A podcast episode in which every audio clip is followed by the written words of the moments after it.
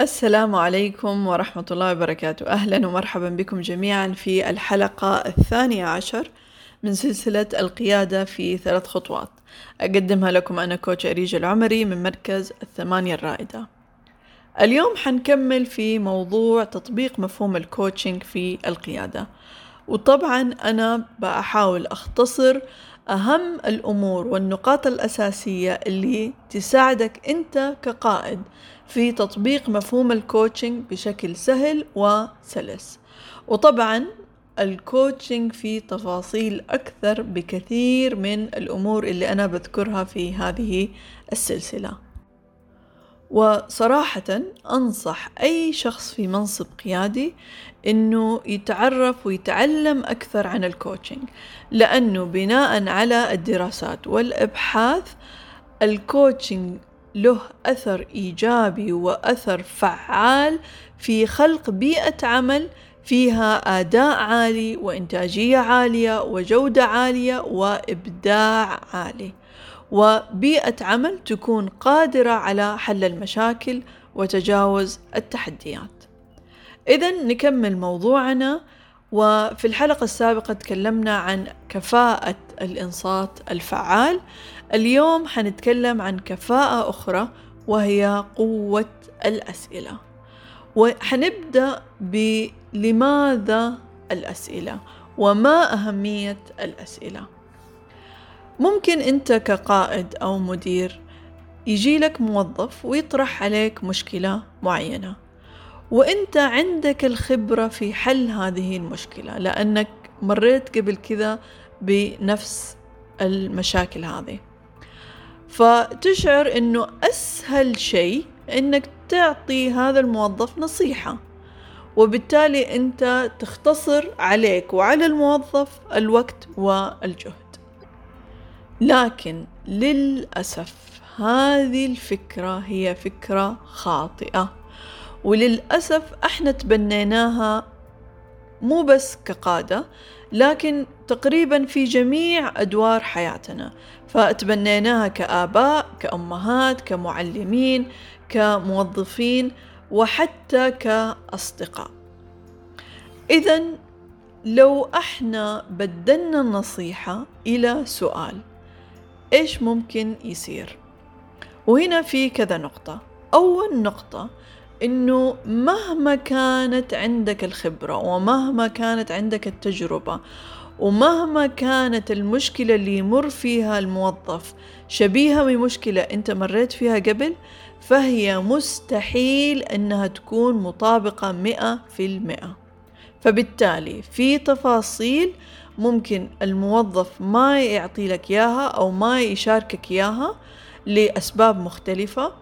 لكن لما أنت تعطي له النصيحة ففي الغالب هذه النصيحة ما توصل للحلول اللي تناسب الموظف. وهذه أول نقطة.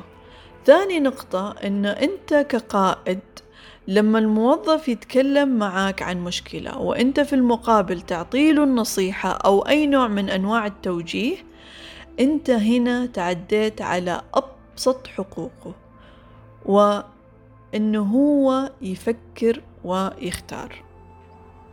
لأنه لما أنت تحول الحديث من نصيحة وتوجيه توجيه وإرشاد إلى أسئلة فأنت هنا تساعد الموظف أنه يفكر بعمق ويفكر بطريقة إبداعية وبطريقة مختلفة ويجد الحلول المناسبة له وبالتالي يختار الحل اللي يتماشى مع ظروفه يتماشى مع نمط تفكيره مع أخلاقه مع قيمه مع سلوكه مع أهدافه.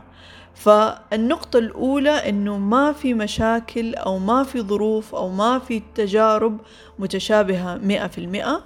النقطة الثانية إنه أنت كقائد من واجبك إن تعطي الموظف الفرصة والمساحة إنه هو يفكر بذاته ويفكر بعمق ويختار الحل المناسب للوضع الراهن اللي هو فيه.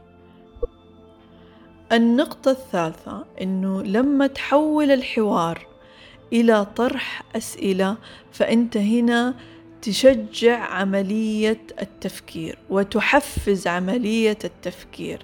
فأنت هنا تساعد الموظف في رفع الوعي بذاته رفع مستوى المسؤولية ورفع الالتزام بالحلول اللي توصل لها الموظف. فرفع الوعي ورفع المسؤولية يعتبروا من أهم نتائج الكوتشنج وبالتحديد مع تطبيق قوة الأسئلة فأنت هنا تساعد الموظف أنه ينتقل من نوع التفكير أو نمط التفكير اللي هو فيه حاليا إلى نمط تفكير يساعده بطريقة أفضل للوصول إلى حل للمشاكل وقدرة على تجاوز التحديات والوصول إلى الأهداف المرجوة.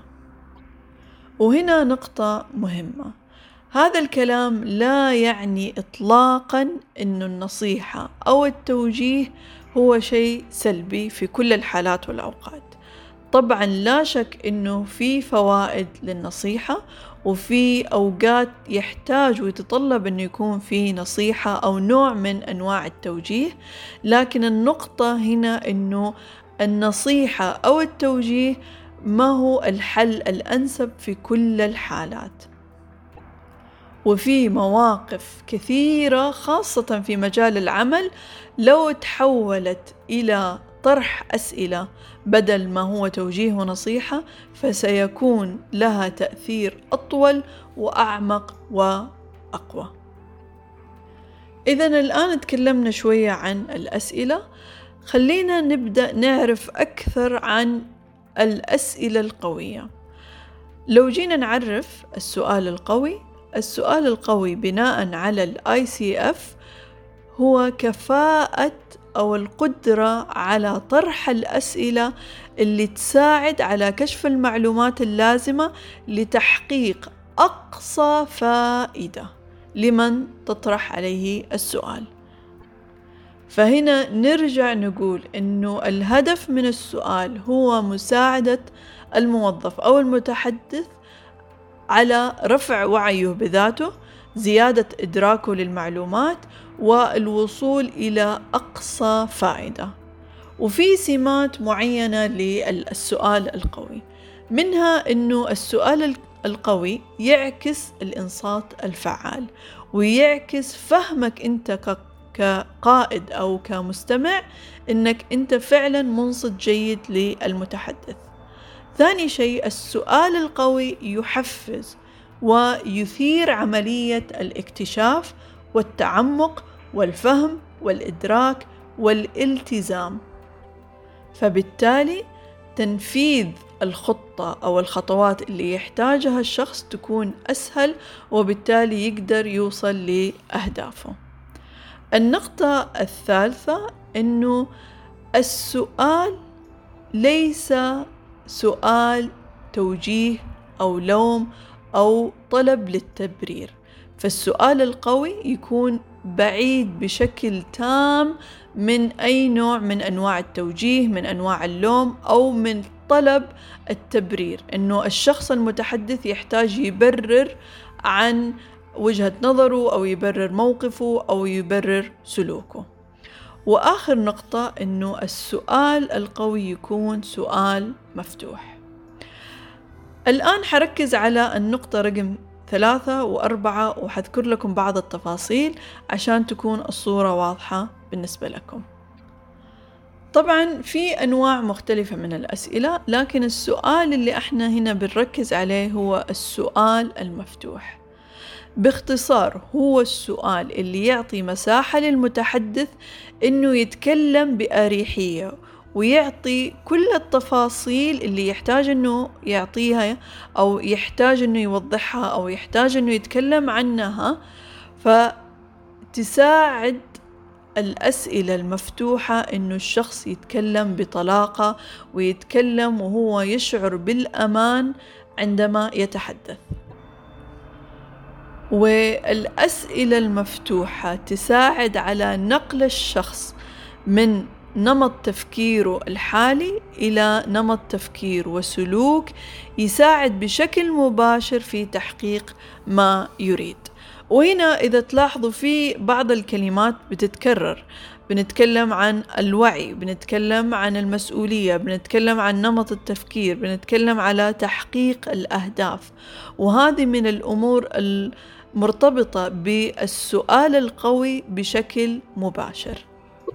لأنه من خلال السؤال وبالتحديد السؤال المفتوح الشخص هنا يرتفع وعيه ويرتفع مسؤوليته فبالتالي يتحمل قراراته ويتحمل نتائج القرار اللي هو اتخذه.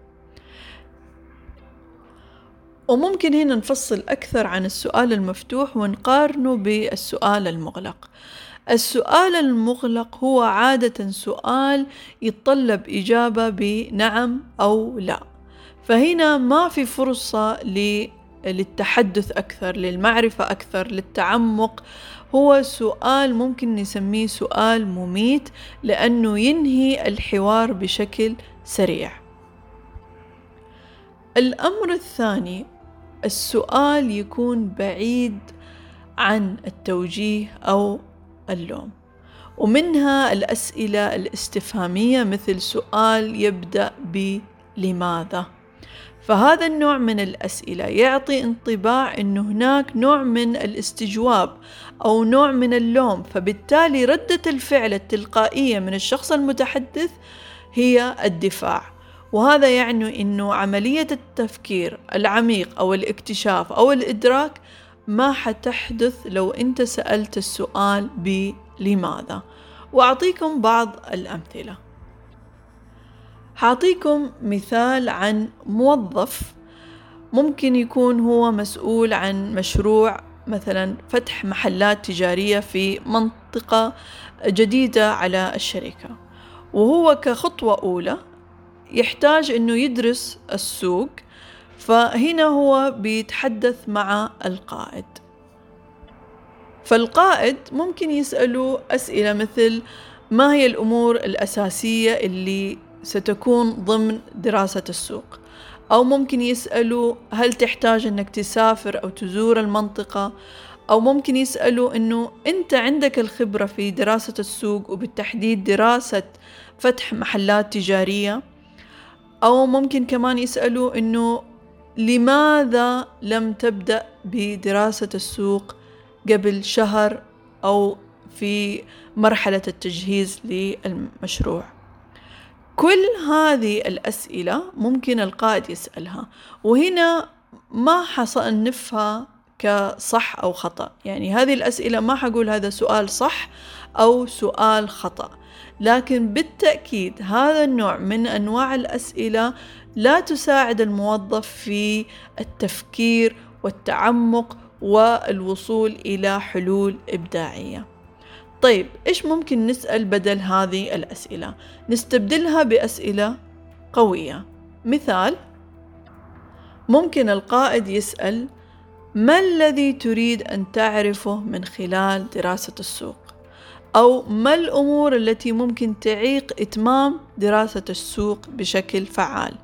أو ممكن ما الذي تستطيع فعله لتتجاوز التحديات؟ كيف ممكن أقدم لك الدعم والمساعدة خلال دراسة السوق؟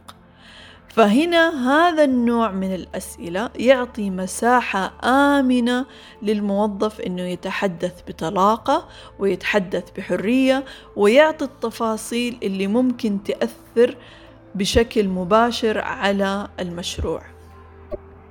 فهذا النوع من الأسئلة تساعد الموظف على إعادة النظر وتقييم الأمور من وجهة نظر مختلفة أسئلة تساعد بشكل كبير على الوصول لحلول والتفكير خارج الصندوق.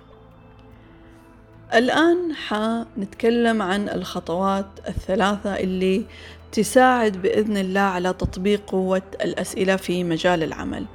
لكن هنا في نقطة حابة آه، أقول عليها إنه ممكن أنتوا لاحظتوا أنه هذه الحلقة والحلقة السابقة اللي هي كانت عن الإنصات الفعال هي حلقات مقارنة بالحلقات الأخرى مدتها طويلة. وهذا لأنه هذه المواضيع خاصة المواضيع المتعلقة بتطبيق مفهوم ال coaching فيها تفاصيل كثيرة. وأنا بحاول أختصر لكم الموضوع لكن في نفس الوقت أحاول أعطيكم الأمور الأساسية اللي تساعدك فعلا أنت كقائد في تطبيق ال coaching في مجال عملك. فأتمنى أنه هذه الحلقات فعلا تفيدكم وتوصلكم إلى الحلول والأهداف اللي تبوا توصلوا لها. الآن نرجع لموضوع الخطوات الثلاثة. أول خطوة هي تقريبا نفس الخطوة الأولى اللي تكلمنا عنها في تطبيق الإنصات الفعال وهي وضع نية صادقة بأنك تحول محادثاتك وتجعلها أكثر فعالية باستخدام قوة الأسئلة. وهذا كي يساعد الطرف الآخر ويساعدك أنت كقائد إنك توصل لفائدة أكبر من خلال قوة الأسئلة. طبعا هذه النية ممكن أنت تفصل فيها أكثر ممكن تضع فيها تفاصيل أكثر ممكن آه، تتكلم عنها في وضعك الراهن بشكل أدق لكن الخطوة الأولى المهمة أنك أنت فعلا تكون نيتك واضحة وصادقة بالنسبة لك. الخطوة الثانية أنك تبدأ تتمرن على طرح الأسئلة القوية. فممكن قبل أي حديث أو أي حوار في مجال العمل تكون أنت مركز أكثر ومنتبه أكثر على نوع الأسئلة اللي تطرحها. حاول تبعد عن التسرع لإعطاء أي نصيحة أو أنك أنت تطرح سؤال مغلق. فممكن أنت تتمرن مع شخص سواء كان في العائلة أو من الأصدقاء وتتحدث معه لمدة خمسة دقائق عشرة دقائق وتحاول خلال هذا التمرين إنك أنت تطرح أسئلة قوية. وهذه المهارة مثل مهارة الإنصات تحتاج إلى تمرين وتحتاج إلى شوية وقت وانتباه ووعي من جهتك على نوع الأسئلة اللي أنت تطرحها. الخطوة الثالثة إنك أنت تقيم نفسك فأنت المراقب الأول لذاتك. وانتبه على كيف تغير أو كيف تغير أسلوبك وحوارك من خلال الأسئلة. وكيف قوة الأسئلة أثرت على المتحدث وساعدته بشكل فعال في رفع الوعي بذاته ورفع المسؤولية كيف تغير الحوار بينك وبين الموظفين ومو بس الموظفين ممكن كمان زملائك في العمل ممكن أيضا مدرائك في العمل. حيلاحظوا أنك أنت تغير أسلوبك والكلام معك والتحدث معك صار بشكل فعال أكثر. وحاول أنك تستمر تستمر عفوا في التمرين إلى أن يصير موضوع الأسئلة جزء من محادثاتك اليومية ومحادثاتك التلقائية وبكذا نختم حلقتنا لهذا اليوم عن قوة الأسئلة ونختمها بمقولة تقول Knowledge is having the right answers. Intelligence is asking the right question. المعرفة هي معرفة الإجابة الصحيحة أما الذكاء فهو طرح السؤال الصحيح. شكرا على المتابعة دمتم في حفظ الله ورعايته.